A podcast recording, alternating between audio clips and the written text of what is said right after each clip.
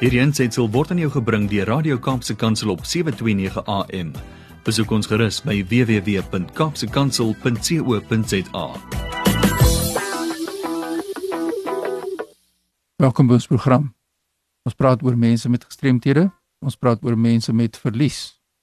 In eerste instansie, wat is die verlies? Die Engels gebruik impairment. Nou watse tipe van verlies is daar?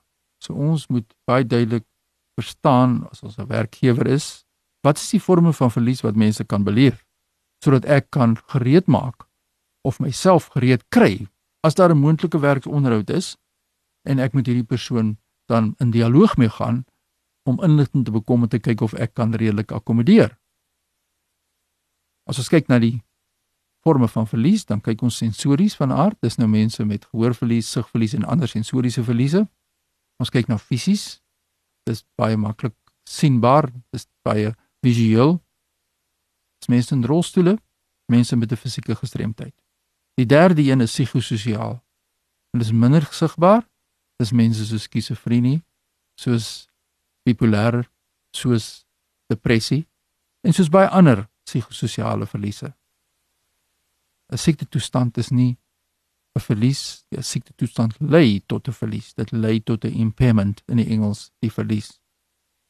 Die volgende, die vierde een, is 'n intellektuele verlies wat lei tot intellektuele gestremdheid. En die laaste een is neurologies van aard. En is baie toestande wat lei tot 'n neurologiese verlies. Ons kyk dink byvoorbeeld aan Parkinson's disease, ons kyk na epilepsie. So dis die 5. Ek herhaal net weer. Dit is baie belangrik as jy werksaam is by 'n werkgewer om jou verlies te kan identifiseer, watter impairment jy het en ook die werkgewer om dit te verstaan sensories, fisies, psigososiaal, intellektueel en neurologies. Ons druk nie mense in blikke nie. Ons sit nie etikette rondom mense nie. Maar as ek nie kan verstaan dat ek 'n sensoriese verlies het en my verlies is sensories neuraal van aard nie, Hoe kan ek myself verstaan? Hoe kan ek begin onderhandel rondom die struikelblokke wat ek ervaar? En dit bring my by die tweede punt vandag in ons gesprek. Dit handel oor die struikelblokke wat 'n mens ervaar. Maak nou nie saak of jy een van die 5 het nie. Almal word geraak deur sekere struikelblokke. Die eerste struikelblok kan fisies van aard wees as 'n gebou nie toeganklik is deur middel van opritte nie, byvoorbeeld. Dan die tweede een is houdings, attitudes baie mense weerhou mense met 'n verlies van gelyke geleenthede bloot eenvoudig omdat hulle sekere ingesteldheid het teenoor 'n spesifieke gestremdheid. Iemand het miskien 'n probleem of 'n negatiewe ervaring van iemand met depressie.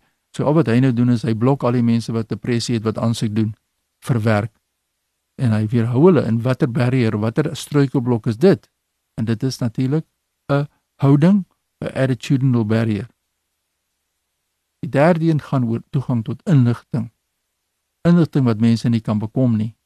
Indig wat nie inligting wat nie vrylik beskikbaar is vir mense wat blind is byvoorbeeld nie of mense wat doofgebore is in gebaretaal nie. En natuurlik die laaste een kommunikasie. Hoe kommunikeer ons met mekaar?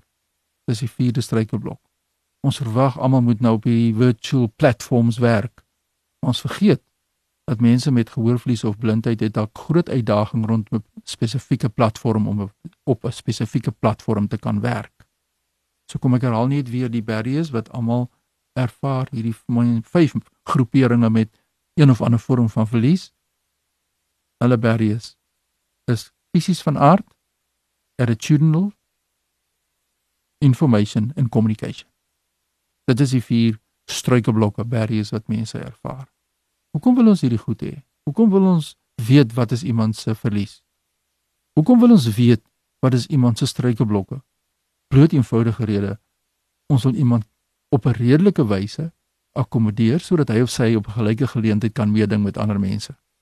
En dan dan is daar vier kategorieë wat in die wetgewing vervat word in die Wetskrif oor die regte van persone met gestremthede wat uitgewys word as moontlike akkommodasies. Nommer jy kan tegnologie aan die persoon beskikbaar stel. Die tweede is jy kan hulpmiddels aan die persoon beskikbaar stel.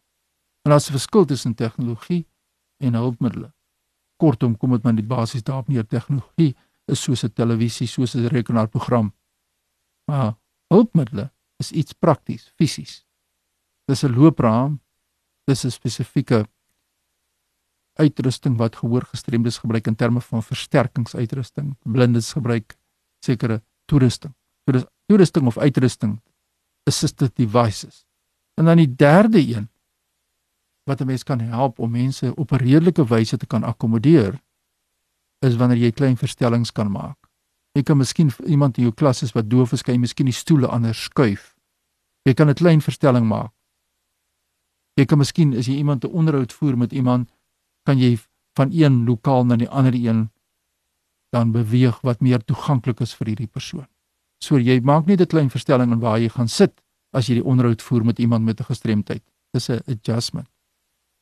En die derde of die vierde en die laaste een is modifications. Modifikasies. Dis wanneer jy 'n bepaalde verandering inbring aan silabusse en dis meer. So as mens groot veranderinge, groot verstellings, herbouings en dis meer doen dan modify jy die Engelse woord, dan is jy besig om groot veranderinge plaas te of te laat plaasvind binne in jou plek om voorsiening te maak vir 'n persoon. Nou al hierdie akkommodasies word op 'n redelike basis gedoen, redelik tot die, teenoor die mens, maar ook redelik teenoor die werkgewer. Dit gaan nie geforseerd nie. Die werkgewer byvoorbeeld moet inkoop in hierdie proses en dan kyk wat kan hy of sy doen? Wat is haalbaar? Geldelik, wat is prakties haalbaar? En natuurlik ter afsluiting, as jy ongelukkig is dat iemand jou nie redelik wil akkommodeer nie en jy dink dis 'n redelike versoek, dan is daar wetgewing waarop jy jouself kan beroep in 'n volgende program. Gaan ons bietjie gesels oor die wetgewing waarop jy jouself kan beroep in die proses as jy voel dat jou regte ondermyn word as 'n persoon met 'n gestremdheid. Maar onthou, alles gaan oor billikheid, oor redelikheid en on, oor onderhandeling tussen werknemers en die werkgewer of tussen 'n student en die autoriteite by 'n universiteit. Dit maak nie saak nie. Ek gebruik die werkgewer as 'n voorbeeld. So stuur nou 'n e-pos aan my by fani.dt by mweb.co.za. En as jy enige vrae het rondom hoe mense redelik geakkommodeer kan word, stuur 'n e-pos. Net weer fani.dt by mweb.co.za. Groetens tot 'n volgende keer. Hierdie ensitsel is aan jou gebring deur Radio Kaapse Kansel op 729 AM. Besoek ons gerus op www.kaapsekansel.co.za.